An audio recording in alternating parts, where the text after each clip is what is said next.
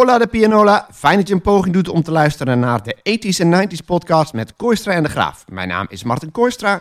En mijn naam is Wilfred de Graaf. Vandaag gaan we het hebben over de muziek uit 1996. Maar nu eerst... Het is niet te geloven, de tijd gaat zo vlug. Martin en Wilfred, die kijken terug. Bijzonder of boeiend, hilarisch of raar. Zomaar het nieuws, feitjes uit het jaar. Op 19 februari 1996 verstoort Jarvis Cocker het optreden van Michael Jackson tijdens de Q Awards. Aangespoord en gefilmd door David Bowie loopt hij tijdens Earth Song het podium op, naar eigen zeggen, uit protest tegen Michael Jacksons poging om zichzelf af te schilderen als een Christusachtig figuur. Halleluja. Op 29 januari komt een definitief einde aan een slepende strijd tussen enerzijds Sony en Philips en aan de andere kant Toshiba en Time Warner over de digitale opvolger van de videoband. Het is de dag waarop de wereld officieel kennis maakt met de Digital Versatile Disc, beter bekend onder de afkorting DVD. Bernard Edwards, de beroemde bassist van Chic, wordt op 18 april dood aangetroffen in een hotelkamer in Tokio door zijn goede vriend Nile Rodgers. Ze hadden eerder die dag nog opgetreden met onder andere Sister Sledge, Steve Winwood en Slash. Edwards blijkt te zijn gestorven als gevolg van een longontsteking. Hij werd 43 jaar oud. Wanneer het Wimbledon tennistoernooi wordt stilgelegd wegens regen, geeft Cliff Richard spontaan een mini-concert. Met hulp van enkele toptennissers, waaronder Martina Navratilova, Pam Shriver en Virginia Wade, zingt hij onder andere Summer Holiday, Bachelor Boy en Congratulations. En dan blijken de wonderen de wereld nog niet uit. Meteen na het concert stopt de regen. 3 juli 1996 gaat daarom de sportgeschiedenis in als Cliffstock. Op 5 juli wordt het schaap Dolly het eerste zoogdier dat succesvol wordt gekloond. En op 15 juli keren de leden van het fanfarekorps van de Koninklijke Landmacht terug van een festival in Italië. Bij de landing op de militaire vliegbasis Eindhoven gaat er iets mis, waardoor het vliegtuig met een klap op de grond terechtkomt. Door een opeenstapeling van fouten bij de reddingsoperatie komen 34 van de 41 inzittenden om het leven.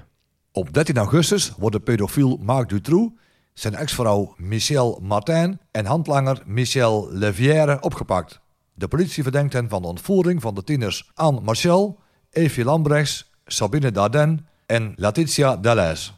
Twee dagen later brengt Dutroux de politie naar een huis waar Sabine en Letitia levend worden aangetroffen. Op 3 september leidt hij de politie naar de lichamen van Julie en Melissa. Op 18 augustus begint Sport 7 met uitzenden. Studio Sport verliest de rechten op het uitzenden van het betaald voetbal en dat zet kwaad bloed. De NOS maakt het Sport 7 zo moeilijk mogelijk. Kijkers laten de sportzender links liggen en voor het einde van het jaar verdwijnt Sport 7 weer van de televisie.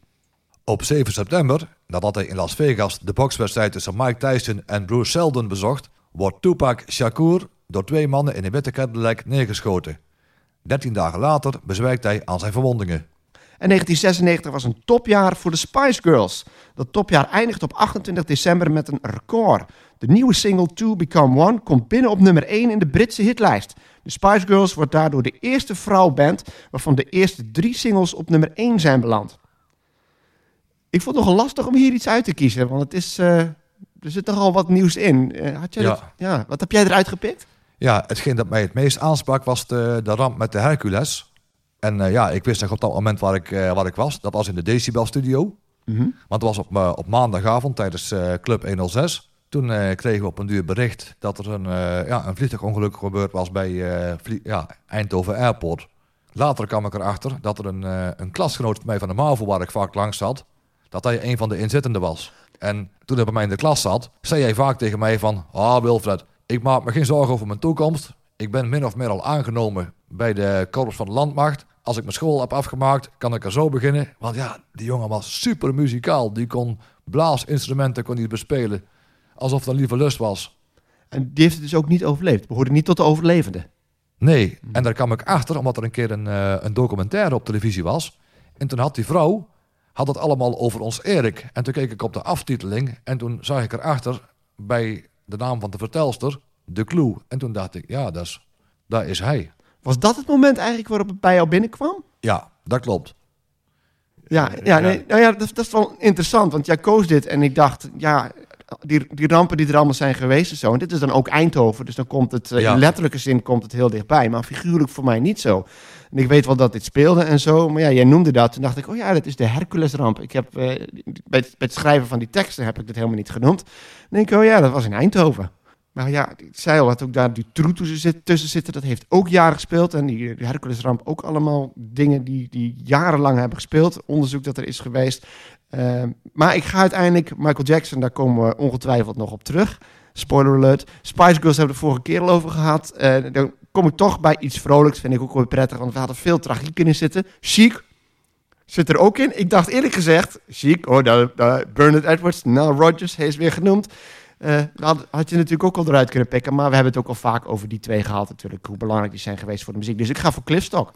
Ja, Dat, ik vind het mooi. Ik kies dat ten eerste omdat ik dat moment kan herinneren. Maar ook omdat er heel veel negativiteit is in Nederland. Eh, Nou ja, heel veel. Daar moet ik een beetje, een beetje terughoudend in zijn. Want het gaat alleen eigenlijk om het voetbal. Het voetbal is het allemaal drama en ellende met spreekkoren en dergelijke. En bij tennis, daar zie je, daar, daar overheerst de sportiviteit. Daar zijn mensen over het algemeen, soms wil het nog wel wat minder zijn, stil als er, iets, eh, als er een keer iets, eh, eh, als er gespeeld wordt.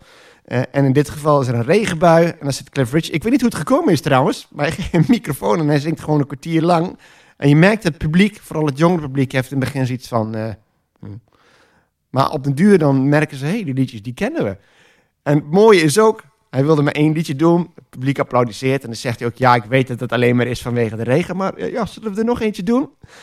En je merkt gewoon, hij heeft er echt hij heeft er gewoon plezier in. ja want ja, ik had het idee dat, dat hij zich eigenlijk normaal gesproken in zo'n wedstrijd gewoon lekker in de anonimiteit in het publiek gewoon plaatsneemt om te gaan kijken naar het tennis. En op een uur denk ik, ja, als het dan regent, maken we van de nood maken we een deugd. En ik had zelfs het idee zelfs, toen hij Living Doll eh, zong, dat er nog mensen waren die dan de jongmans imiteerden van Living Doll. Daar zat je wel zo'n beetje op te wachten, ja. Maar ik vind dat gewoon mooi. Dan zie je ook die tennissers die natuurlijk aardrivalen zijn geweest. Die staan dan achter, die zingen niet mee, maar die klappen dan een beetje mee en zo. Je merkt gewoon, zo'n regenbui, daar zit iedereen... Dat is natuurlijk niet tegenwoordig, is het allemaal overdekt. Maar toen zaten ze allemaal nog met, met regenjassen en plastic over zich heen. En dan gaat opeens iemand zingen. Je merkt gewoon, die stemming slaat om. En dan inderdaad, op Ja. het moment dat hij eindigt... dan zie je ook in die video, en je kunt het terugzien... zie je dat die mensen opkomen en... Extra applaus, want Cliff Richard is klaar met zijn concert. Dus we kunnen weer spelen. En dat, dat vond ik gewoon een mooi moment. Echt een uniek moment in de sport waar je, kunt, waar je ziet hoe het ook kan zijn. En een stukje positiviteit erin. Dus vandaar. De 80's en 90's podcast met Hoekstra en Begraaf. Dan is het nu tijd voor onze muzikale top 10 van 1996. En daarvoor gebruiken we zoals altijd onze muziekbijbel, het top 40 hit dossier. Wilfred en ik hebben vijf liedjes gekozen uit de single top 100 van het jaar 1996. En daar hebben we een top 10 van gemaakt. En we beginnen onze top 10 met de minst grote hit. Nummer 10.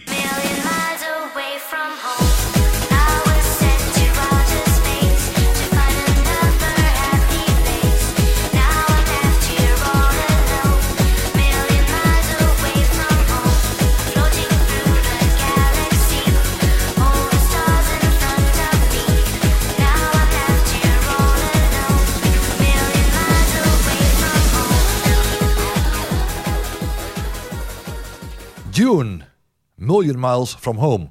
Geschreven door Bernd Boerhoff, Jens Utrich en Oliver Froning. Behaalde 191 punten, stond 9 weken genoteerd en bereikte plaats 12 in de top 40. We hebben al eens kort over, eh over Doen gehad. Die hebben toch in korte tijd heel veel hits gehad. Ben benieuwd. Jij, jij pikt deze dan eruit, terwijl je ook flink wat andere had kunnen kiezen. Ja, ik denk ik pak de minst eh, voor de hand liggende. Volgens mij had je had ook een keer gezegd dat het jouw favoriet was. Maar waarom eigenlijk?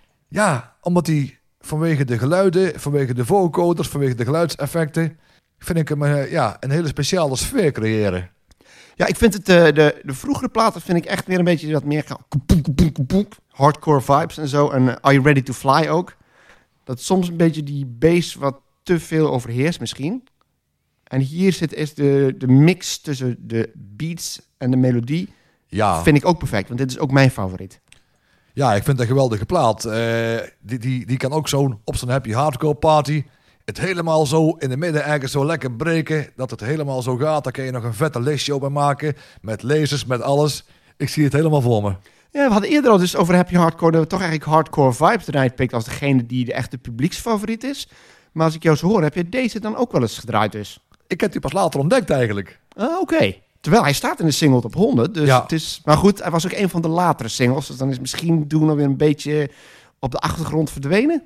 Ja, misschien wel. Alleen toen was het natuurlijk zo dat dat internet was er nog niet eh, in die tijd.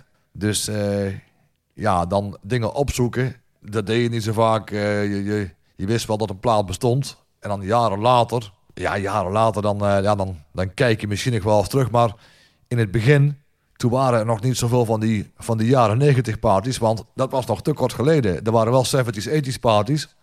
Ja, oké, Eh, maar jij eh, draaide in die tijd natuurlijk ook al. Ik denk dat het ook te maken heeft... Ik zit nou even te kijken hoeveelste single het was van Doen. Ja, het was dus de zesde. Kijk, dat maakt dan een groot verschil. De eerste was Hardcore Vibes. eh, top 10 hit. Hun grootste hit ook. De, de klassieker, daar hadden we het over. Are You Ready to Fly? plaats 15. Can't Stop Raving. Can't Stop Raving. Rainbow to the Stars. En toen kwam er nog hun, hun hoogste notering ooit. Dat was Let's Go Hand in Hand. En die was net uit de top 40. En toen kwam nog een keer Million Miles From Home erachteraan. Dus ze hebben eh, in hele korte tijd, eh, iets meer dan een jaar, 14 maanden, hebben zij zes singles in de top 40 gehad. En dit is de zesde. Dus ik denk dat het daar ook te maken heeft. Dat je die eerste het beste herinnert. En dat je dan die laatste een beetje, ja, een beetje in je achterhoofd, als je ze hoort, denk je, oh ja, die was er ook nog. Maar dit is niet de bekendste van doen. Dat, eh, ik denk de minst bekende van doen. Ik denk het wel, ja, want tijdens het uitgaan hoorde je hem ook niet echt. Want in een café, dan hoorde je hardcore vibes of eh, hand in hand. Ik vind het mooi van deze, vind ik ook dat het in, in mineur is. Want heel veel van die hardcore is natuurlijk gewoon vrolijk en hakken en gas erop. En, eh, nou ja, het is allemaal hakken en gas erop. maar dit is in mineur. En dat vind ik, vind ik mooi, vind ik gewaagd. En het past eigenlijk niet bij happy hardcore. Dus ik ben het helemaal met je eens dat dit de vetste is. Maar jij zou dus eerder dan ook hardcore vibes en hand in hand draaien? Of durf je deze ook wel aan? Ja, ik durf hem wel aan. Nummer 9.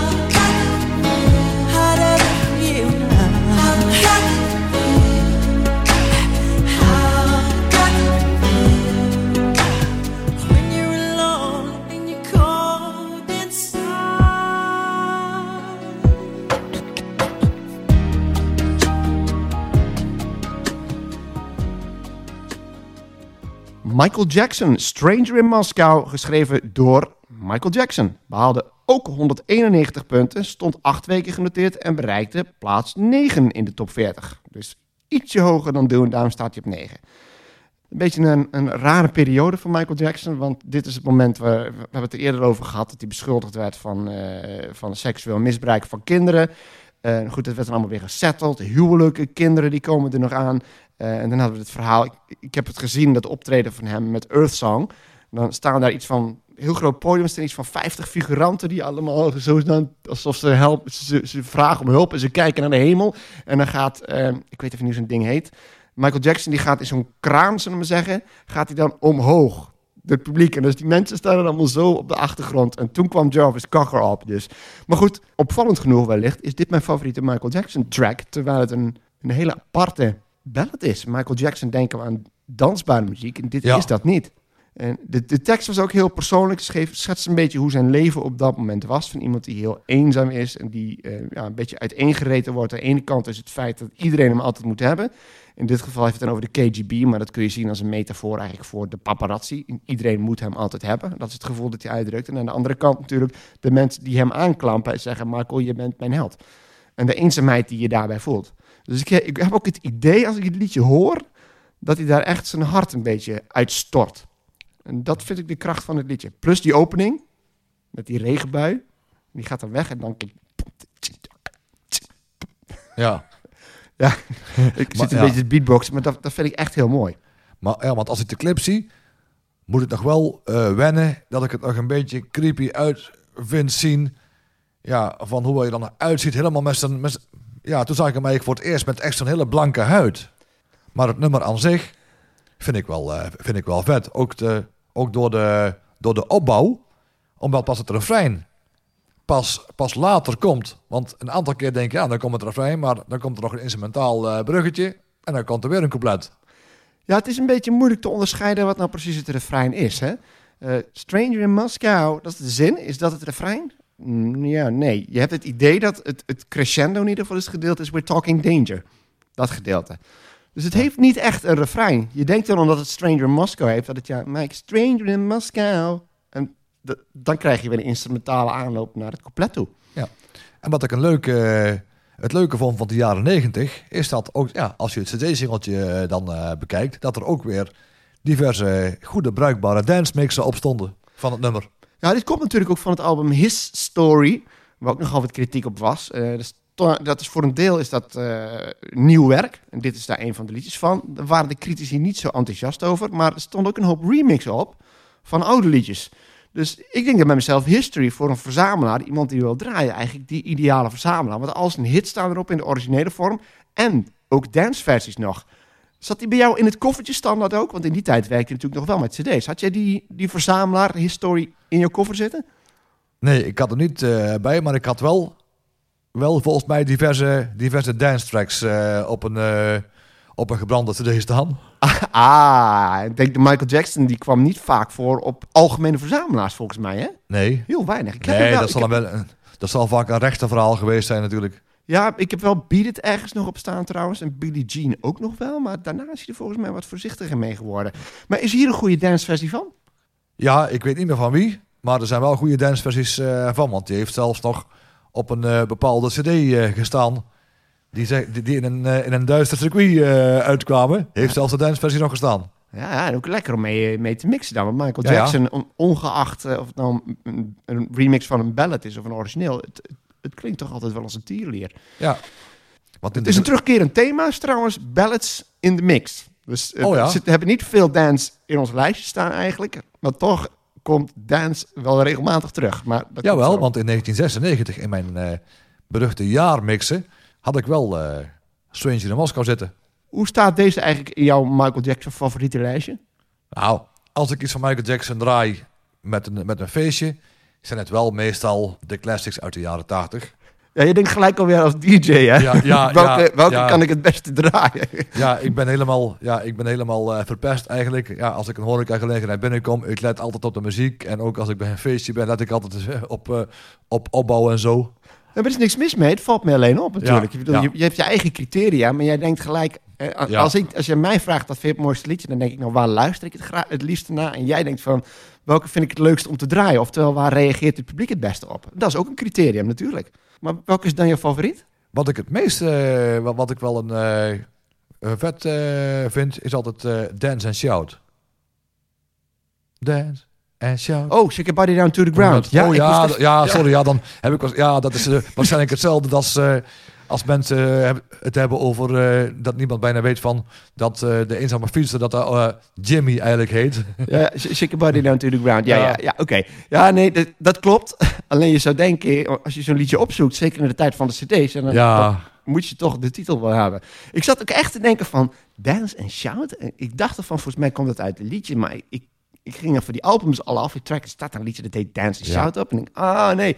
En Wanna Be Starting Something, die lijkt me, die vind ik zelf ook wel, als gaat om dansbare platen. Doe jij die ook wel eens? ja, mama ja. say, mama sa, mama moesa. Mama say, mama sa, mama moesa. ja. En waar ik misschien eh, mee in de war gekomen ben, is dat eh, Dance and Shout, dat was de plaat van Shaggy, die dan wel samples gebruikt heeft van Michael Jackson van Shake Your Body. Ah, oké, natuurlijk. En als het gaat om de Jacksons, want daar is natuurlijk ook leads in geweest. Don't blame it on the sunshine. Blame it on the boogie. Ja, ik moest het even doorlopen voordat ik met de titel kwam. Blame it on the boogie? Jawel. Kan die ook nog wel eens? En can you feel it? Ja, Oké. Dus als je gewoon kijkt waar Michael Jackson op zingt, dan kun je daar een, een goede set, een uurtje mee vullen, denk ik toch wel. Ja, tot, tot, rock, ja, tot, tot Rockwell toe. Oh ja, ik.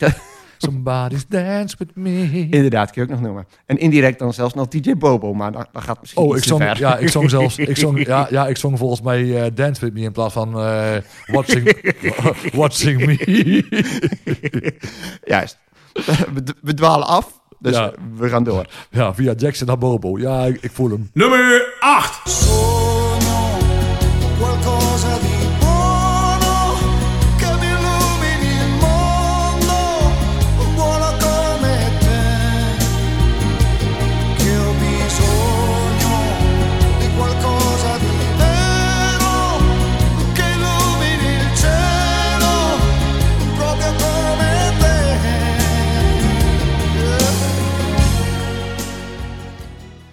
Zucchero, Sugar Fornaciari, Il Volo, geschreven door Zucchero Fornaciari. Behaalde 192 punten, stond 11 weken genoteerd en bereikte plaats 15 in de top 40. Dat zit wel heel erg bij elkaar, met één puntje meer. Ja, Zucchero was een beetje het lievertje van iedereen. Iedereen wilde ermee optreden. Eh, alsof hij als een enorme reputatie had. Dat begreep ik op zich wel niet zo goed. Maar als ik luister naar de hits die hij heeft gehad... Ik vind dit wel gewoon ook muzikaal in elkaar zit. De orchestraties. Het is absoluut geen voorspelbare melodie. De manier waarop het loopt. Die strijkers eronder vind ik fantastisch. De zangmelodie. En het is Italiaans. Ja, daar versta ik geen bal van. Il volo, ik denk dat het betekent ik wil of zo. Ik heb geen idee. Dat is misschien de voorganger van Ramstein, Ik wil. Dat, dat, dat, ik weet het niet. Geen idee waar het over gaat. Maar ik vind het wel een hele fijne radioplaat. Zo'n avondplaat. En Ja, Echt mooi. Maar Zucchero, Sensu Donna met Paul Young. Paul Young, die dus eigenlijk aan de, de, de revers van Zucchero zijn eigen carrière weer nieuw lezen in Blies, is een voorbeeld van artiesten die daar wilden samenwerken met hem en daar gigantisch succes hebben gehad. Sensu Donna is een klassieker. En is misschien deze een beetje ondergesneeuwd geraakt. Want kende jij deze eigenlijk nog? ja, als zijn de plaat waarvan ik wist dat ik hem wel eens hoorde, maar geen idee had hoe die heette. Nee, waarschijnlijk ook omdat het dan ergens op een non-stop zender, iets als Sky Radio, wordt gedraaid. En ja, omdat het Italiaans is, kun je ook niet echt afleiden wat nou de, wat nou de, de titel is. Ook omdat de, de titel pas ergens aan het einde in een bridge voorkomt, geloof ik. Wat vind je over het algemeen eigenlijk van mm, Italiaanse muziek? Ik bedoel, Eros Ramazzotti is bijvoorbeeld, eh, Ja, denk ik, de meest succesvolle Italiaanse artiest. Ik zeg het alweer met een voorbehoud, want dan zien we bijna altijd iemand over het hoofd. Dus wel meer succesvol dan bijvoorbeeld W.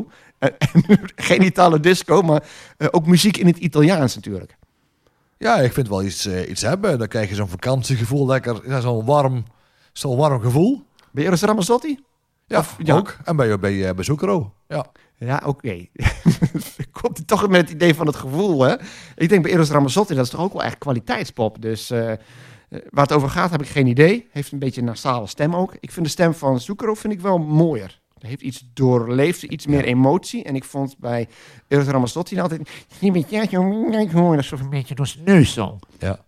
Maar Italiaanse popmuziek, best, best kwaliteitsmuziek dus. En, eh, en nog maar te zwijgen van, eh, van de andere Italiaanse producten... waarvan we een aantal al besproken hebben. Dus op zich is het niet heel erg gek dat er heel veel uit het Italiaans op een duur vertaald is naar andere talen. En waar ook Andrea Hazes van geprofiteerd heeft, Marco Borsato van geprofiteerd heeft. Borsato natuurlijk ook begonnen met eh, Italiaanse eh, muziek. Eén albumpje en toen dacht hij, ik ga het, eh, de commerciële kant op, ik ga het in het Nederlands doen. Ja. Gloria, ook Italiaans? Durf ik ook weer niet met zekerheid zeggen. Gloria. Uh, Umberto Tozzi, ja, ja, ja, ja, ja, ja. Kortom, best de moeite waard om eens even te verdiepen in de Italiaanse popmuziek. Nummer 7. Ik heb het wel gezegd, ik heb het wel gezegd. Ik heb het wel gezegd dat je beter bij mij kon zijn. Jij past beter bij, beter bij, beter bij, beter bij mij. Want ik ben liever dan, liever dan, liever dan, liever dan hij. Beter bij, beter bij, beter bij, beter bij mij. Want ik ben liever dan, liever dan, veel liever dan hij. Tim Emmers, Liever dan Lief. Geschreven door Henny Vrienden. Behaalde 216 punten, stond 10 weken genoteerd en behaalde plaats 11 in de top 40. Meestal heb ik, eh, heb ik altijd mijn bedenkingen bij als op den duur een, eh, een soapster ineens de microfoon gaat pakken en dan liedjes gaat eh, zingen. Maar ik moet zeggen dat ik heel aangenaam, toch wel aangenaam verrast was door Tim Emmers met Liever dan Lief. Die wist het weliswaar geen geen hoogstaande symfonie qua, qua toonsoorten en zo. Maar het totaal plaatje, ja, ik snap best dat het een, eh, ja, een bescheiden hitje geworden is. Eh, ik, heb deze ook gehoord voordat ik me eigenlijk ben gaan verdiepen in de muziek van Doe Maar. Het origineel is, nou ja, schrijvers Henny Vrienden. Ook fijn trouwens om eens een keer een gemakkelijke naam te hebben voor de schrijvers, hè? Ja, ja, Als van Italianen en, en Duitsers en zo. Maar ik vond eh, de versie van Doe Maar vond ik een beetje ja, heigerig. Ik kom niet bij me. Ik heb het wel gezegd, ik heb het wel gezegd. Ik vind het een beetje zeurderig gezongen. Dat is ook een beetje de stijl van Henny Vrienden. En soms werkt dat. Maar ik vind hier de productie is wel heel erg gelikt. Maar Tim Immers, een geweldige zanger. Ja, nou, het was, eh, ik denk ook het plaatje, want ja, je, je moet gewoon bekennen als je ook zag hoe hij toen de tijd uitzag. Het was gewoon een leuke man om te zien. Ja, een blonde krullenbol, bekend Ja. uit de goede tijden, slechte tijden. Eh, speelde hij daar niet eh, vriend van Georgina Verbaan of zo? Ik weet niet. Heb- eh, is ook al heel lang geleden. Hij is, ook vrij, hij is ook een van de eerste die gestopt is trouwens. Want hij, moest in militaire dienst. Hij speelde Mark de Moor in goede tijden, slechte tijden. Ja, dat doe ik even moeten opzoeken. Maar daarna ook niks meer van hem vernomen. Hè? Terwijl hij nog wel een album heeft gemaakt. Ook nog een tweede single. Roze Bril. Ken je die? ja, die ken ik wel. En ik heb even dat album eh, niet geluisterd. Daar had ik toch eigenlijk weer niet zoveel zin in. Want ik ben niet zo kapot van zijn stem. Maar er stonden twee composities van John Eubank op. Hij zingt ook nog Radeloos. Radeloos, kan er iemand helpen? Ook van Doe Maar. En over honderd jaar zijn jullie allemaal dood van het Kleine Orkest. Dus er staan toch nog wat covers op. En ook nog een liedje dat Henny Vrienden schreef voor Penny Nijman. Blijf vannacht bij mij. Dat is niet te verwarren met Blijf je vannacht bij mij van Gordon. Nee, Blijf vannacht bij mij van Benny Nijman. Echt een leuk liedje. Ja, als je John Eubank, Henny Vrienden, eh, ehm, Harry Jekkers achter hebt staan nog als mensen. het Klinkt allemaal als dierleer. Ik vind het liever dan lief heel goed geproduceerd. Ja. Maar het verra- verrast me wel dat je deze kiest. Want het is niet zo'n nou heel erg is blijven hangen, toch? In het, in het collectieve geheugen. Nee, op zich niet. Maar als je dan weer een, eh, een lijstje kijkt om te gaan selecteren, dan denk je, oh ja. Is wel een OJA-plaat, dat zeker, ja. Ja, Martin Memmers is, gewoon, is een, een- ja, een heel veelzijdig man. Hij heeft veel gedaan qua, oh, qua presentatie, presentatiewerk en zo. Ja, ik kan me niet zoveel ver meer van hem herinneren sindsdien. Maar goed, het is ook alweer lang geleden. En ik kijk niet zo heel veel Nederlandse televisie. Wat heeft hij er nou nog gedaan eigenlijk? Hij heeft eh, ja, diverse programma's gepresenteerd. Onder andere later nog eh, het, RTL, het RTL 4-programma House Vision. En eh, hij was een van de, de presentatoren van de TV-makelaar. Ah, oké. Ik denk House Visions. Dan zitten we niet bij de grote entertainmentprogramma's dus. Maar dat zijn van Ja. die, van die eh, huis, tuin en keuken... Hoe heet dat ook weer? Eigen huis en tuin. Eh, van die verbouwings... eh, heel Ja. vroeg verbouwingsprogramma. Ken je die programma's of niet? Ja, die ken ik wel een paar jaar. En in mei 2018 keerde hij weer terug in goede tijden, slechte tijden. En wederom als, in, de, in de rol van Mark de Moor. Ah, oké. Ja, ja, ja. Ja, ik, ik volg dat totaal niet. Zit hij er nog steeds in eigenlijk? Dat weet ik niet. Ik, eh, ik, kijk, eh, ik kijk geen goede tijden, slechte tijden. Is Maar- dok- ik dacht, zou dokter Simon ook weer teruggekomen zijn? Geen idee, geen idee. Dus eh, nou, daar doe ik geen uitspraken over. hoe, heet die, hoe heet die Amerikaanse ook weer? Eh, Daniel, Daniel, zo zei ze altijd. Daniel, Daniel, potverdorie. Ja, dat is een tijd, dan heb ik ooit nog in, in een relatie nog wel eens mee moeten kijken. Toen heb ik eh, al die gastjes leren kennen, maar sindsdien eh, echt geen minuut meer van gezien. Ja, Maar, het heeft ook eh, wel opvallend. Hij heeft, eh, heeft hij ook niet nog in, in nog een soapserie gespeeld? Zat ik in eh, onder, Onderweg naar Morgen, daar heeft hij ook nog in gespeeld. ook ja. Dat vond ik wel opvallend. Maar hoeveel soapsterren of acteurs, ik moet niet zeggen soapsterren, hoeveel acteurs spelen nou in Nederland dan? Hè? Want bedoel, Amerika, daar komt het meer voor. Maar in Nederland in meerdere soapseries. En dan ook nog redelijk kort op elkaar aansluitend. Ook wel opvallend. Geen idee. nee oké. Ik kijk geen soaps, nee, ik kijk geen soaps eh, series. eh. Nee, ja, je leest dan de biografie en dan, Ja. dan denk ik, ik haal het aan. Want Wilfred, die weet ongetwijfeld meer over onderweg naar morgen. Maar ik had het zo vermoeden. nee, want mijn conclusie eigenlijk over, eh, over, over Tim Immers is... Hij is geen wereldzanger. De nummers zijn goed geproduceerd. Mhm. En ik denk ook wel dat de nummers die hij ging zingen... ook wel geselecteerd waren op de toonsoort dat hij ze kon zingen. Oh, dat sowieso, ja. Eh, Ik weet eigenlijk niet of het dezelfde toonsoort is als die versie van, versie van Doe Maar. Dan ga ik thuis, als ik thuis kom, ga Oh, ik het ja. even vergelijken. Ja, want Zou je überhaupt een van die twee nog wel eens kunnen draaien op een 80s, 90s party, denk je? op een feestje met een, eh, een blokje fout... eh, zou ik het eens kunnen proberen, ja. Ja. Veel mensen zullen het ongetwijfeld kennen. Nummer 6. I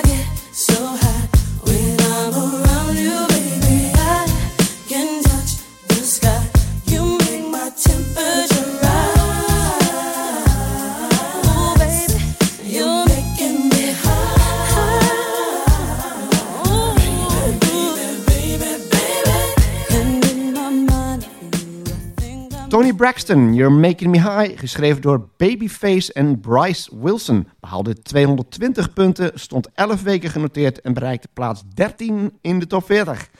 Ja, dit is dus het moment waarop de R&B de top 40 inkomt. En eh, ik noem het wel eens gekscherend R&Bagger, omdat er voor mijn gevoel heel veel bagger tussen zit. Maar ja, als ik dit lijstje doorkijk, en ik heb ook alvast gekeken naar de volgende jaren, en ik kijk wat voor R&B erin staat, dan is dat zo slecht nog niet. En dit is daar wel een, een heel goed voorbeeld van. Tony Braxton, fantastische. Dat, dat is gewoon de soul. Dat is een typische R&B-stem, vind ik. Dat, weet je, dat, er zit emotie in, maar er zit ook iets, iets nou, erotisch wil ik niet noemen, maar wel iets verleidelijks in. Ik denk dat dat het goede woord is. Denk het wel, ja. ik krijg er een beetje zo'n idee bij dat, die, dat ze ook voortborduurt eigenlijk op, die, op de jaren tachtig eh soulshow muziek van die... eh, in de stijl met, eh, met Luther Vandross, eh Sade en dergelijke. En, dan gewoon, dat, die, dat, dat die stijl weer een beetje wat meer, wat meer uitgebouwd wordt. Het liedje zelf vind ik eigenlijk weinig climax in zitten. Maar dan vraag ik me ook, ja, moet dat? Zoals het nu is, is het goed? Overigens is het interessant dat jij het noemt, die 80 Soul. Want zij wel, een van haar grote voorbeelden was Chaka Khan. En die hoort ook in dat rijtje thuis. En natuurlijk ook producers Bryce Wilson en Babyface. Die hele belangrijke naam ze worden in de R&B. Al was dus op dit moment. Ja, die weten dat ook wel te updaten. Ik vind die opening vind ik zo apart. En die, die beat. eh, we hebben het ook al gehad over hoe belangrijk een beat kan zijn hè, in housemuziek. En de klanken die je daarbij gebruikt. En dit is gewoon die bassdrum. het, het is gewoon het volledige plaatje. Ook Ja, die ja. synthesizer riffjes die daarin zitten. Ja. Het is een van de beste platen binnen de R&B, vind ik in ieder geval. En ik hoor me heel graag. Ook de harmonies die ertussen zitten, de meerstemmigheid. Ja. Ja, het is alleen wat lastiger om dit te verklaren, omdat er zoveel in zit. Ja, wel. want wat je zegt met, eh, ja, het is, eh, het is de beat. Ja, één slogan, die zat in een, eh, in een club 106 promo. Dat was een, een sample, dat was... It isn't just the lyrics, it's the beat.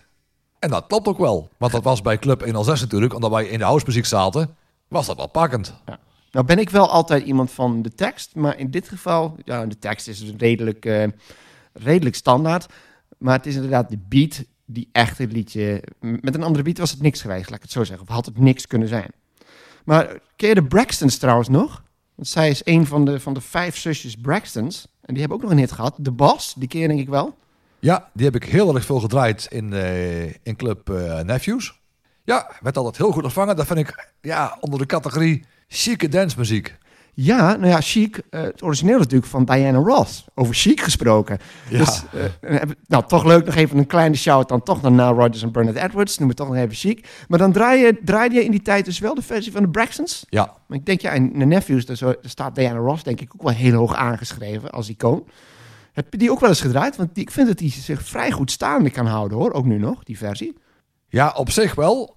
Maar toen de tijd qua inpassen in een setje was het gemakkelijker om, Tony Brax- om, om de Braxtons eh, te kiezen. Ja, dat natuurlijk wel. Die 12 inches van toen, eh, dat hebben we wel vaker opgemerkt en ook wel gehoord. Dat die 12 inches uit de jaren 80, zelfs op het moment dat ze ook daar serieus aan gingen werken, dat die soms wat rare... Alleen sowieso. Inmixmomenten ja, hebben. ja, alleen sowieso eh, in zo'n in zo'n club was het toch vaak zo. Dan had je helemaal van die, van, van die dancemuziek, van die housemuziek. En dan is dan ja, de beats die in de jaren 80 plaats zitten, is dan in één keer zo, oh, ja, een beetje, ja, Ja, oké, maar als je bijvoorbeeld eh, een I Was Survived erbij pakt of zo, of een Don't Leave Me This Way, een aantal van die, van die klassiekers uit die tijd, daar zou die wel in passen. Ja, maar daar lag de nadruk in het algemeen ook meer op de 90s dus dan op de jaren 80. Nummer 5. Now I gotta go, so coke. Put me up,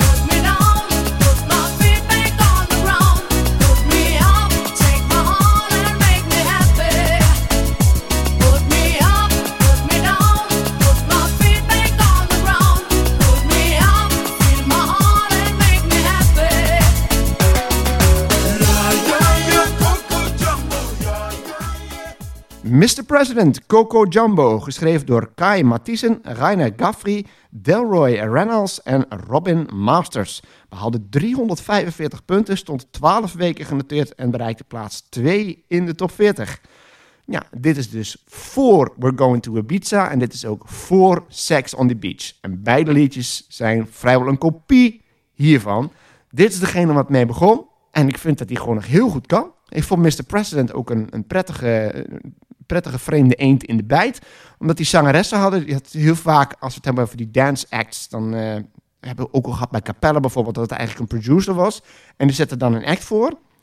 En er moet altijd wel een, een mooie meid zijn, zeg maar. En als je kijkt bij Coco Jumbo, die meiden die daar zingen, eh, dat zijn geen fotomodeltypen. Ik vind ze wel mooi, maar het is bepaald niet het, type dat je ziet bij andere dance acts. Dat vond ik heel erg verfrissend aan Mr. President.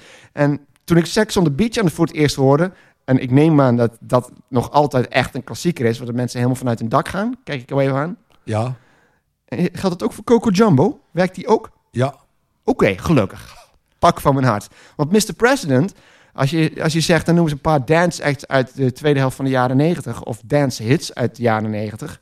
denk ik niet dat eh, Coco Jumbo het eerste opkomt. Dat mensen dan lang daarvoor al gezegd hebben, ja, we're going to Ibiza en Sex on the Beach. En dan eh, als je zegt Coco Jumbo, hoe, dat je ook nog moet zeggen, hoe gaat die eigenlijk? Klopt dat, denk je? Ik denk Coco Jumbo, omdat het wel heel duidelijk in het nummer terecht komt van... Ja, ja, ja, Coco Jumbo. Ja, dat weten we wel. Ik ik denk niet dat deze ooit bij jou aangevraagd is. En die andere twee wel. Sex on the Beach, denk ik, weet ik eigenlijk wel zeker.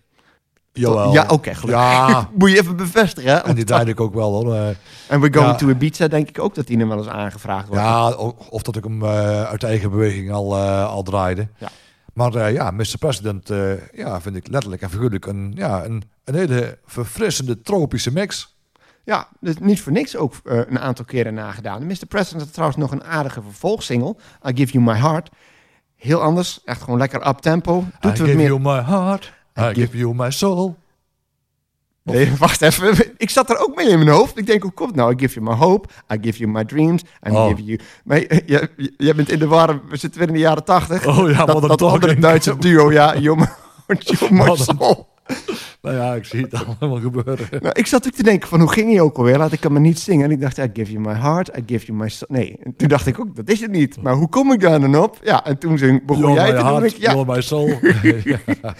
ah, Mr. President. Ja, er valt verder niet zo heel veel over te vertellen, omdat die twee hits hebben gehad. Maar ze, ze voldoen op papier een beetje aan het cliché-idee van de Eurodance. En ik had graag meer hiervan gehoord. Maar ik vind dit echt, wat precies wat jij zegt, een hele lekkere zomerse plaat. Die niet verveelt. En ik vind Sex on the Beach vind ik gewoon... eh, wanna have sex on the beach. Denk ik, Ja, bij Sex on the Beach zit er een, bij een kleine irritatiefactor aan van als dan de rapper bezig is. Doe de right thing, tingelingeling. ja, denk ik ook van. Wat is dat voor een ding? André van Duin. Ja, ze- dit bedoelt, het is gewoon echt gewoon een kopie. Je hebt bij Coco Jam heb je.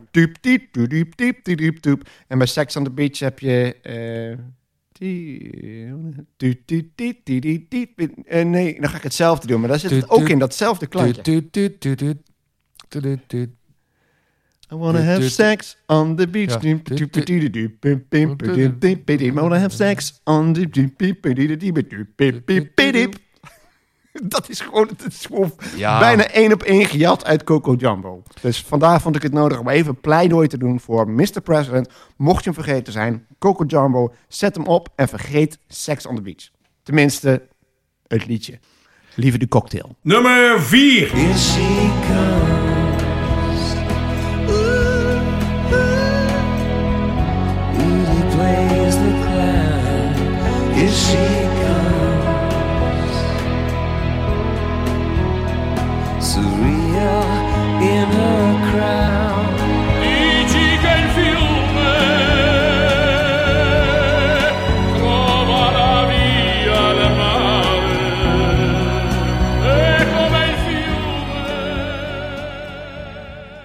Passengers, Miss Sarajevo, geschreven door Adam Clayton, Brian Eno, Dave Evans, Larry Mullen en Paul Hewson.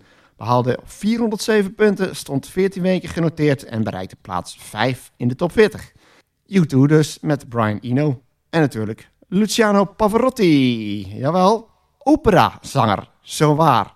En dan ga ik gelijk alweer naar jou, eh, ga ik hem al gelijk weer doorsturen naar jou. Ik vind het eh, een beetje een tegenbeweging. Laat ik toch eerst maar zelf beginnen trouwens. Ik vind het interessant dat je hier een soort tegenbeweging lijkt te krijgen. Want we hebben jaren gehad waarin de dance eigenlijk domineerde. En dan ineens een behoorlijk grote hit. Een hele duistere plaat ook.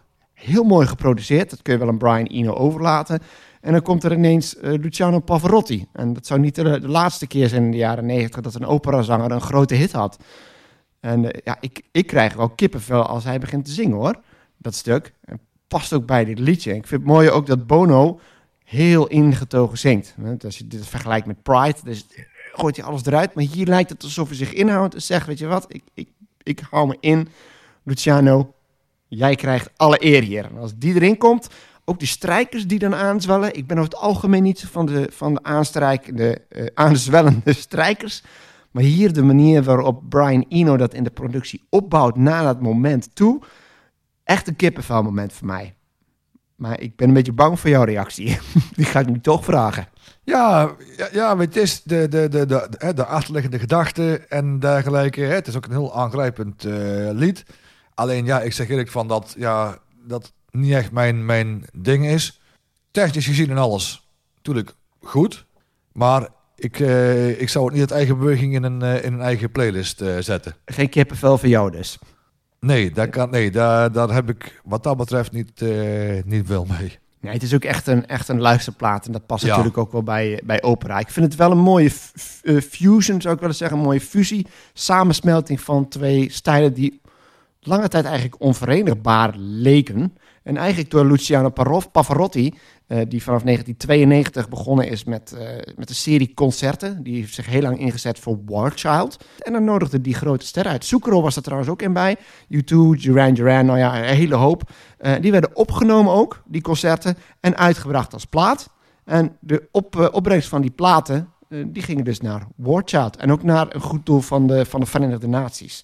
En daar is dit dus uit voortgekomen. En ik vind dat een mooi initiatief, dat ook echt wel mooie dingen heeft opgeleverd. George Michael bijvoorbeeld daar ook opgetreden. En dan zie je opeens dat al die rockartiesten, dat zijn geen snobs. Die zeggen Luciano Pavarotti, waarvan ze zeggen, wat moeten we daar nou mee? Die stonden dus wel gewoon in de rij om met hem op het podium te mogen staan. En dan is natuurlijk zo'n goed doel, is daarbij mooi meegenomen. Nummer 3.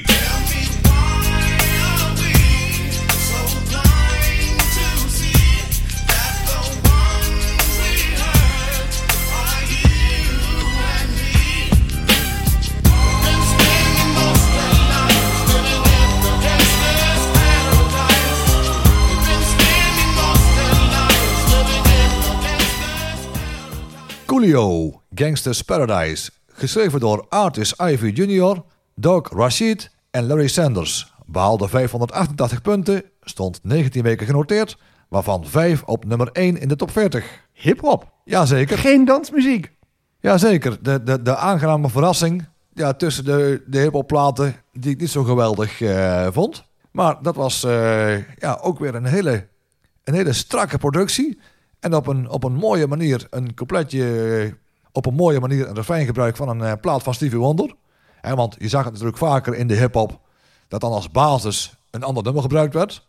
Maar de uitvoering was eh, geweldig en ik heb er ook gewoon hele mooie herinneringen nog, eh, nog aan. En de plaat aan zich, dat was meteen al, ja, hoe, hoe zeg je dat? Meteen als het aanstaat, ja, daar, ga ik niet afzetten. Nee, het is meteen herkenbaar. Ik denk dat het een van de weinige platen, langzame platen is, die je ook heel goed kunt gebruiken als een soort breekpunt in je set. Ja, Ik denk dat het een van de weinige hip-hop platen is die jij van, van dit tempo, die je überhaupt eh, draait. dat klopt. Ja. Ja. ik hou altijd van een beetje een, eh, een vrolijke inslag eh, in, een, in een liedje. En dan ja, zijn er waarschijnlijk heel veel artiesten uit de jaren negentig die platen uitgebracht hebben die ook een beetje in mineur zo klinken. En daar heb ik weinig mee. Dan is het op zich wel opvallend dat jij nou deze kiest. Want als je luistert naar alle andere singles en eh, ook de andere liedjes die Coolio heeft uitgebracht, die hebben dat juist. Dit is Ja. heel erg melodramatisch, fantastisch geproduceerd. De tekst en, en muziek gaan ook heel goed samen. Maar wat nou typisch is voor Coolio, is dat hij vaak diepzinnige teksten over hele funky, vrolijke beats deed. Dus eh, waar heel veel gangster rappers, want hij was een gangster rapper. Het verschil is alleen dat de meeste gangsterrappers zoals NWA, die waren heel erg over van wij zijn stoer en eh, wij, wij, wij maken iedereen af, bij mij spreken. Was vrij agressief. Eh, hij was iemand die meer in de trant van Grandmaster Flash zat. Die vertelde hoe het leven was en ik vond het wel mooi omschreven. Eh, zijn teksten zijn een soort verontschuldiging van hoe het leven is. Maar als je kijkt naar de andere hits, hè, It's All The Way dit, dat is gewoon een, een, een foottapper. Een One, two, three, Ja, four, die wel. Get your woman On, the floor. Ja. Ja. die wel. En too hot, Ja. too hot. Ja, is ook wel leuk te hebben. Bedoel, too hot, dat is gewoon een heerlijke disco-funkplaat. En daar maakt hij gewoon een, een rapplaat van. En dan is het opvallend en grappig dat zijn grootste hitte eigenlijk de enige single is die niet die formule gebruikt. Eh, ook onderdeel trouwens, dat moeten we wel even zeg, eh, zeggen. Hij stond op de soundtrack van Dangerous Minds met Michelle Pfeiffer. Ja. En daar, mede daardoor werd het een hele grote hit. Maar Coolio, het verbaasde mij aanvankelijk wel toen hij in eh, vorig jaar overleed, dus september 2022 overleden, dat daar zoveel, eh, nou, dat er zoveel aandacht aan werd besteed. En het is blijkbaar toch wel meer iconisch dan ik dacht. Ja. Ja. Oké, daar zijn we het dus over eens. En ik had eigenlijk nog nooit gehoord van de plaat van Stevie Wonder voordat ik de plaat hoorde van Coolio. Nee, maar dat is natuurlijk ook wel vaak. Dat is ook het leuke, dat je die muziek daardoor ontdekt. Eh, niet alles wat hip-hop is, is gesampled. En hier dacht ik ook van, ja, het liedje heet Gangsta's Paradise. Dus, eh, en je zag ook de zanger. Eh, althans, je zag in de videoclip zag je een zanger. En dan dacht ik, nou, die- die zal dat wel gezongen hebben. Ja. En nou zie ik hier nog de, de landen waar, waar de plaat op nummer 1 stond. Ah, Jawel. En dan tussen allerlei landen waarvan je denkt, oh ja, oh ja, hè, het zal wel. Australië, Nieuw-Zeeland, Duitsland, Oostenrijk, Zwitserland, heel Scandinavië, Ierland en het Verenigd Koninkrijk. En wat er nog meer tussen? Zimbabwe. En als, eh, als DJ nog eventjes voor de, voor de freaks. Wat het mooie is van, eh, van de plaat eh Gangsta's Paradise. Je kan er een geweldig mooi bruggetje mee maken door het tempo. Dat je meteen een happy hardcore plaat erachteraan gaat draaien. Dan zet je, de, zet je Gangsta's Paradise op 85 bpm. Dat scheelt niet veel. En een happy hardcore plaat is 170 bpm. Oftewel een dubbel tempo. En dat gaat uitstekend samen. Nummer 2.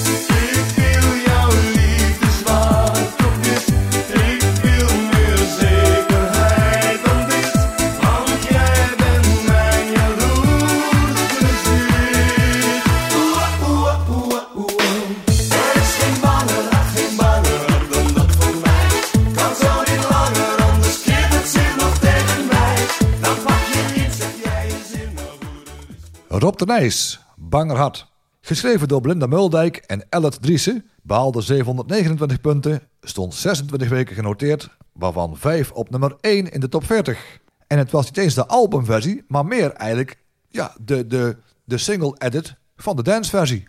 Ja, en waar Rob de Nijs ook geco-produceerd heeft. Want we noemden de naam alweer. Die zijn we vaker tegengekomen als oorspronkelijk artiest. Want we hebben het al eens gehad over Spargo. Maar ook als remixer Eldert Driessen. Samen dus met Belinda Muldijk. En die heeft die remix geproduceerd. Ja, dat heeft hij ook weer zeer strak gedaan hoor. Wat is er zo goed aan die remix? Je hebt het origineel dan denk ik ook wel eens gehoord. Ja, De origineel is zoals eh, de Rob de Nijs hem live speelt. Want die doet... Pa, pa, pa, pa, pa. En niet helemaal zo dat, hij, dat het echt voor on the floor eh, is. Ja, het Nee, het helemaal... heeft, heeft een beetje een ska-gevoel inderdaad. En qua muziek en de mix, ja, zo ook zo heel subtiel, heel subtiele dance. Het is toch ook die reggae feel die natuurlijk in het origineel zit. Ja. Yo, ik ben rijker dan ik ooit Ik ga niet helemaal zingen, maar... En je hebt hier ook de hooks, hè? Want wij met mijn jaloers bezit. En dan... En leuk voor de freaks, trekkers voor de grap, de vergelijking met eh, John Part, St. Elmo's Fire. Na na na na na na na na na na na na na het is zeker geen plagiaat, maar je ziet wel de overeenkomsten. Kijk ja. naar de melodielijn, zitten best wel dicht bij elkaar. Ja. En ja, laten we eerlijk zijn, we hebben ons vaker over gehad. Wel onderling discussies gehad over wanneer... Dat sowieso iets wat heel erg speelt. Wanneer is iets nou gejat en wanneer niet? Soms dan, dan worden melodielijnen echt één op één gekopieerd. En vaak ja, dan ben je geïnspireerd door iets wat je eerder gehoord hebt. Maar de plaat werd zoveel gedraaid. Op Radio 538, Radio 2, 3FM, ja, je kon er niet omheen. Daar zit natuurlijk ook gewoon de, denk ik, de kracht en het succes van het liedje in. Maar Rob de Nijs, ja, dat was ethisch. Dat nog eh, dat, ook heel fout. Dat ik zijn. Rob de Nijs was bij het grote publiek wel en het jonge publiek afgeschreven. Dat was nog van in het werd zomer. En Jan Klaassen, de trompetter. eh, leuk en zo, maar een beetje een nostalgische act. En opeens kregen we een liedje die dus alle zenders kunnen draaien. Maar ik vond, vond, vind het mooi. Je hebt ook veel artiesten die hebben succes gehad in de jaren 60 en 70. En nog een beetje jaren 80. En die teren dan voort op hun succes. En Rob de Nijs heeft eigenlijk nooit een echt hele grote hit gehad. Hoewel natuurlijk Jan Klaassen, de trompetter, wel een klassieker is en zo. Maar vergeet ineens... Niet, ja, maar vergeet niet dat in, eh, in heel veel cafés dat Malababbe natuurlijk gedraaid werd. Hè? Malababbe, ja. En, eh, ja, en qua platen, ik vind hem echt een heel veelzijdig man. Want in alle stijlen, hè, Malababbe lijkt niet op Jan Klaassen. Jan Klaassen lijkt bijvoorbeeld niet op eh, Bo. En, ook bijvoorbeeld op eh, Zondag.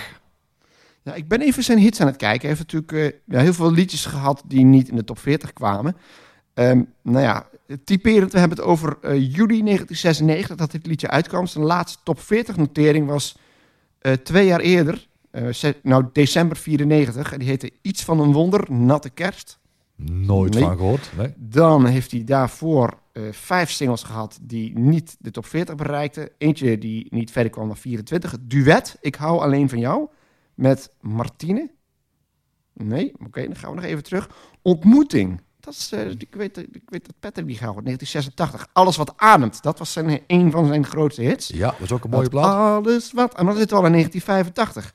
Zullen we even verder teruggaan? Ja. Doe ik alleen even de top 10 noteringen. Had nog eh, Dat is alles en Zonder jou en Zondag. Dat waren kleine hitjes.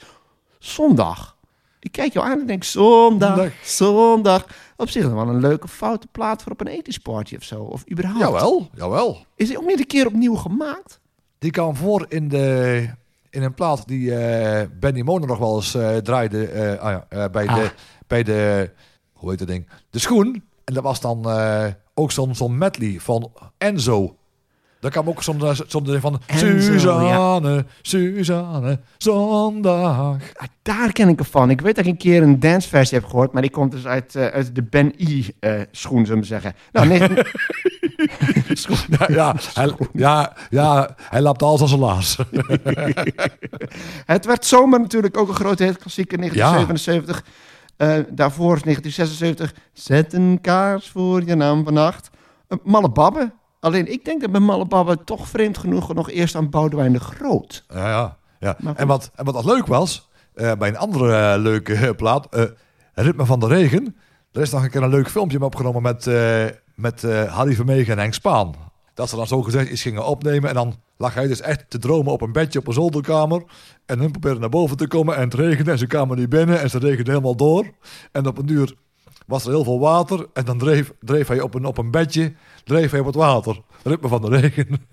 Dat is wel leuk dat hij zichzelf ook eh, niet al te serieus nam. Ik vind Rob de Nijs sowieso, als je die hoort spreken, heel erg eh, een professional. Ja. heel, heel erg relaxed en ontspannen. Ja, ja, precies. Daar heb ik nog een leuke, een leuke anekdote nog eh, van. Ik ben een keer in de feesttent in Nieuwendijk geweest. En op die avond was er dus een, een optreden van Rob de Nijs met zijn band. Helemaal mooi uitgetimed. Kan bij het podium op. En hij loopt zo naar de standaard. Hij wil de microfoon pakken. Alleen de geluidstechnicus was vergeten een microfoon neer te hangen. Dus hij kijkt naar de band. De band heeft het wel door. En denkt, nou, ik maak even een bruggetje. En ik speel het intro nog een keer. Ondertussen wordt er een microfoon neergehangen. En of er niks gebeurd is, hij pakt de microfoon en begint. Ja. Ja, geweldig. Ik had trouwens de ene grootste hit van Rob de Nijs nog niet eens genoemd. Ik was nog even het lijstje aan het doorgaan. Er is er nog eentje die ik moet noemen. En je gelooft het misschien niet. Maar dat was 1973. En het is niet Jan Klaassen de trompetter, maar de opvolger. Dag vader en dag moeder. Dag zuster Ursula. Dus stiekem heeft hij toch wel een aantal... Die, die niet per se allemaal hele grote hits zijn geweest. Maar je kunt wel een, een aardige meesting set met Rob de Nijs doen. Ja, precies. Alleen je kan hem. Maar het leuke is met, eh, met, met de platen van Rob de Nijs dat ze niet op elkaar lijken. Het is niet mogelijk om er echt met de originele platen eventjes een megamix van te maken. Nee. Een banger hart. Slaat het nog aan bij een jong publiek? Met regelmaat draai ik die op eh, familiefeesten. Echt, jong en oud, opa, oma, vader, moeder, soms nog wel, eens kleinkinderen erbij. Kijk, da- daar ging het om. Want ik denk, je kunt hem ongetwijfeld ja, draaien. dat- het gaat het grootste deel van het publiek gaat uit een dak. Maar ook de, de kleintjes dus. Ja, en er is nog eh, ja, helaas geen, eh, geen 12-inch eh, versie van. Maar die is wel op een of andere manier nog wel te maken. Nummer 1. Bala tu cuerpo alegría Macarena, que tu cuerpo pa dar la alegría y cosas buenas. Bala tu cuerpo alegría Macarena, eh Macarena. Now don't you worry about my boyfriend, the boy whose name is Vitorino. I don't want him, couldn't stand him. He was no good, so I. Los Del Rio, Macarena, in de Bayside Boys remix. Geschreven door Antonio Romeo Monge, Rafael Ruiz en Carlos Alberto Liaza. Behaalde 825 punten, stond 26 weken genoteerd, waarvan 4 op nummer 1 in de top 40. Macarena, vertel. Ja, ik kon het plaatje wel in de oorspronkelijke versie. Want dat had, mijn, eh, had mijn moeder een keer meegenomen uit, eh, uit Spanje. Toen de tijd was het al een, een redelijk aanstekelijk eh, deuntje hè, in 1993. Maar het echte succes, dat bleef uit. En op een duur, ik weet niet hoe die met elkaar in contact gekomen eh, zijn. Maar de Bayside Boys, die maakten er dus een, eh, een remix van in 1996. Er kwam een dansje bij natuurlijk, wat heel de wereld veroverde. Ja, het of meer, een- maar kom er zo op. Ja. Ja, ja, en het werd een, eh, het werd een mega, een mega, mega, mega hit. Ja, ik vermoed, maar ik weet niet zeker. Ik heb laatst ehm, een optreden van Suzanne Vega gekeken. En Suzanne Vega natuurlijk bekend van Tom's Diner.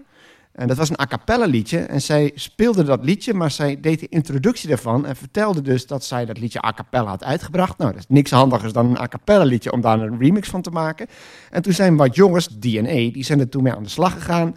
Die hebben dat naar haar gestuurd. En zij zei van, oh, dat vind ik zo goed. We gaan dat als single uitbrengen. En ik denk dat dat bij Macarena ook zo is. Want het was al een bescheiden hitje, die oorspronkelijke versie. Die heeft toch nummer 20 gehaald. Alleen, eh, het, is, het is niet een bezwaar hoor. Maar als je het vergelijkt met het origineel, dan is het oorspronkelijk is het heel erg Spaans. Ja. Dat is echt met... Ja, een beetje eh, roem... Ja, Macarena. Hey, Macarena. Ja, een beetje en zo. ja, precies. Een beetje de, de, de rumba tres.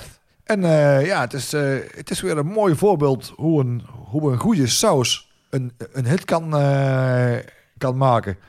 Het is wel interessant, dat is dat, dat dansje dus. Hè? Ehm, er zijn twee versies van en ik weet niet waar de tweede versie van komt. Als je de clip kijkt, dat dansje is een beetje, nou ja, laat ik het zo zeggen, Olga Commandeur. Eh, We kunnen het hier wel voordoen. Ja, nee, het bestaat uit vier stappen. Dus je hebt dan één hand naar voren. Dan hebben we dus één, twee, drie, vier. Eén hand naar voren, andere hand naar voren. Eén hand op het hoofd, andere op het hoofd. Eén hand op de heup, andere op de heup, draaien. Dus het is ontzettend traag. Eh, maar wat ik me nog wel kan herinneren is dat 1996 ook het jaar was van de Olympische Spelen. En bij de Olympische Spelen is dat, was in Atlanta, dus in Amerika. Die weten er altijd wel een show van te maken. En als daar op een gegeven moment niks te doen was, draaien ze muziek. En wat was de, of werd misschien hierdoor ook wel de hit, de Macarena. Dus dan zag je ook mensen die gingen een dansje doen. En ik kon me nog herinneren dat er een aantal eh turnsters op een gegeven moment voor het publiek stonden. En dat die de Macarena deden. En dat was de versie die wij kennen. Die bestaat uit acht stappen. Vraag niet hoe het kan, maar geniet ervan. podcast met Kooistra en Nou, kunnen we nog conclusies trekken? Ja, als ik spreek over de dancemuziek, dan denk ik dat eh, de Eurodance ja, op een duur wel een beetje misschien wel uitgemolken is. Met als gevolg dat hij eh, niet meer terugkwam in eh, 1996. Nou, in ieder geval in mindere mate. Dat Mindere- moet, moeten ja. we wel zeggen dat natuurlijk zeker 1994 en 1995 dat een leek wel, soms wel leek alsof het alleen maar Eurodance was. Dus hier Ja. merk je wel dat de, de, piek, de piek bereikt was. Het ging nu weer een beetje terug naar een, eh, een ander niveau. Ja, want ik geloof wel dat eh, de house-stroming wel wat andere dingetjes had. Bijvoorbeeld, eh, volgens mij ook in 1996, eh, bijvoorbeeld eh, de, de Dream House met eh, Robert Miles. Robert Miles, ja, Children. Ja. Zoek ik even op. Ga verder ondertussen. En dat eh, ja, de dance ook weer een andere kant op ging. We hebben al een paar keer genoemd een beetje de, de chicere danceplaten. Waarbij in plaats misschien nog meer de, de nadruk op een duur ligt op de, op de tekst en zo. Als dat het helemaal ja, heel druk is met, eh, met hele vette eh, synthesizer sounds en zo. Goed trouwens dat je Robert Miles noemt, want hij heeft drie hits gehad en die waren allemaal in 1996. De tweede de grote hit is Children, daarna de Fable eh, en daarna de, ook nog One and One. Ja. En die vind ik heel mooi. Children is ook goed, maar die heb ik in de tijd iets te vaak gehoord. En dat is inderdaad, ja, Dreamhouse heet dat dus, met zo'n pianootje erin. Op een duur was er nog een act die had bijna exact hetzelfde als, eh, als Children. En dat heette volgens mij eh Chivago. Ja, Celebrate. Of Celebrate. Ja, of iets- of iets, ja. ja, ik ken hem wel. Gaan we met- ik ga hem opzoeken trouwens. Ik, ik, hij laat me wel heel veel bladeren nu, zeg. Maar ja, dan- als je nou maar doorpraat, dan... eh, Ja, dan valt het niet zo op. Ja, ni- niet, niet te vergelijken met Dr. Chivago. ja, Dreamhouse. ook nog She met de spatie Vago. En het liedje heet, de single heet, ja, Celebrate Love. Ja, tip, ja. Er staat mij wel iets van voor dat daar een link bij is, ja. Nee, wat interessant is nou, in 1996, als ik kijk naar de dance hits, is Children de enige in de top 10. Maar je merkt ook dat er een beetje een campy act staat op nummer 3. Weet je welke dat is? Captain Jack. Eh, Ja, Captain Jack. Dus dan krijg je ook weer een beetje de, de persiflages. Ook trouwens een interessante. Als we kijken naar de echte dance hits, dan is na Robert Miles staat Bette Midler. To Deserve You. En dat valt weer onder de versie, onder de noemer, de chique dance hits. Ja, en dan komt, eh, oh nee. Party Animals. Ja, het is weer een hele andere Ja, kant op. Ik ga niet de hele lijst af voor. Captain Jack, Drill Instructor. eh, nog een keer Party Animals. Mr. President, ja. eh, En dan zit ik al bij, bij 34. Charlie Loners, Mental Theo, Party Animals. Drie keer, pot. We hebben Party Animals er helemaal niet genoemd. Nee, en zaten we ook niet in dit jaar met eh, Café Dalmar van Energy 55? Oké, of Energy ik stop bij 52? 49. De Prodigy. Ah, Prodigy, Firestarter, ook 1996. Ook weer iets heel anders. Sorry, nog een keer? Eh, Energy 52 met eh, Café Dalmar. Zoeken we op. En misschien nog, dat eh, 97, maar... en dan misschien nog eh, Calvin Rotain. Yes, hey, yes, yes, yes! Eindelijk. Deze keer heb ik gelijk. Energy Damar was 1997. Calvin Rotain, dat is met een C, Calvin. I believe. En nog eh, Come on and push me to the limit. Hold your head up high. Calvin Harris. Oh nee, Nee. die is niet. Calvin Harris. Oh, is wel met een K. Nee, nee, nee, Calvin Rotain. Die staat niet bij de C hoor. Of is het met CE? Dat zal toch niet? Dat is irritant met Ik al die namen, man. Nou, is dan... ja, ja hoor. Push Me To The Limit 1996. Jawel. Klein hitje hoor. Is niet verder gekomen dan plaats 34. Maar in de clubs een stuk beter. Ja, dus ja, Bad Midler. Die heb ik nou toch even genoemd. Die hebben er niet uitgekozen. Maar Chic Dance, die kan heel goed. Vind ik ook vind ik een goede plaat. Ja, en er was er ook eentje die ook specifiek in het, eh, in het gay-circuit eh, geweldig eh, deed in het clubcircuit. Ja, we noemden Diana Ross en Bad Midler zijn allebei wel, wel van die iconen. Ook een beetje in de drag scene, denk ik. En in de gay scene. Dus ja, de- daar heeft het denk ik ook een hele... Overigens vergelijkbaar weer met, met Rob de Nijs. To Deserve You is in de oorspronkelijke versie is het een prachtige... Het was een typische Sky Radio plaat. Heel populair daar. Goed, R&B. Ja, opkomst dus. Hebben we eigenlijk twee liedjes genoemd die daar een beetje invallen. Ja, Tony Braxton dus, maar ook Coolio. Ook een hele unieke hip-hop plaat. En Ja. hip-hop heeft nog niet zo grote hoog, hoog ogen gescoord tot Coolio. Maar ik heb geen eh, echt eh, scheurende gitaar rockplaat. eh. Nee, maar goed, dat was sowieso al bij uitzondering. Eh, Moet ik nou die lijst er weer bij pakken? Ga ik wel wat doen. Stond er überhaupt iets in? Dat was sowieso de afgelopen jaren. De vorige jaren was dat, eh, was dat al zoeken. En ja, natuurlijk van jou hoeven we het niet te hebben. Als het gaat om de scheurende rockplaten. Dus dan moet het toch van mij komen. Eh Alanis Morissette. Nou, dat, dat kunnen we beschouwen als... eh, ja, nou, scheurende gitaren zijn het niet. Party Animals is wel een gemiste kans, hoor. Maar ik zie ook... Ja, Guus Meeuwis. Ja, nee. Ik, ik kijk gewoon even verder. Oasis. Maar ja, Wonderwall. Ook geen scheurende gitaren. En verder. Babylon Zoo. Spaceman. Ken je die nog? Spaceman. Ja. Always wanted you to go. Interessante plaat. Dat is denk ik nog veruit het hardste. Joan Osborne, One of Us. Nou ja, dat is ook een beetje middle of the road, maar road. Maar in ieder geval eh, rock. En dan... eh kedok, kedok, kedok. Nee hoor. OMC Hub is... Nee, dat is Nee, geen ook niet. rock nummer. Maar het is, dat is wel meer... eh, hang- hang- het is wel niet al te elektronisch, laat ik het zo zeggen. Hoewel er zit ook een elektronische beat onder. Nou goed, hebben die hele lijst alweer doorgelopen. Dat was niet echt nodig eigenlijk. Maar, maar ja, opeens komen die dingen dan opeens naar boven. En dan denk ik ook, ja, als we het er toch over hebben, gelijk even opzoeken. Maar scheurende gitaren, ja, Babylon Zoo, dan was het zo'n beetje. Overigens, als je het toch hebt over scheurende gitaren, dan is Babylon Zoo bepaald geen verkeerde. Want eh, dat is nogal alt, eh, alternatief rock. Maar Ja, ja. niet gekozen, dus we gaan het daar niet uitgebreid over hebben. En daarmee zijn we aan het einde gekomen van deze aflevering van onze podcast. Leuk dat je wilt luisteren. Houdoe. En bedankt.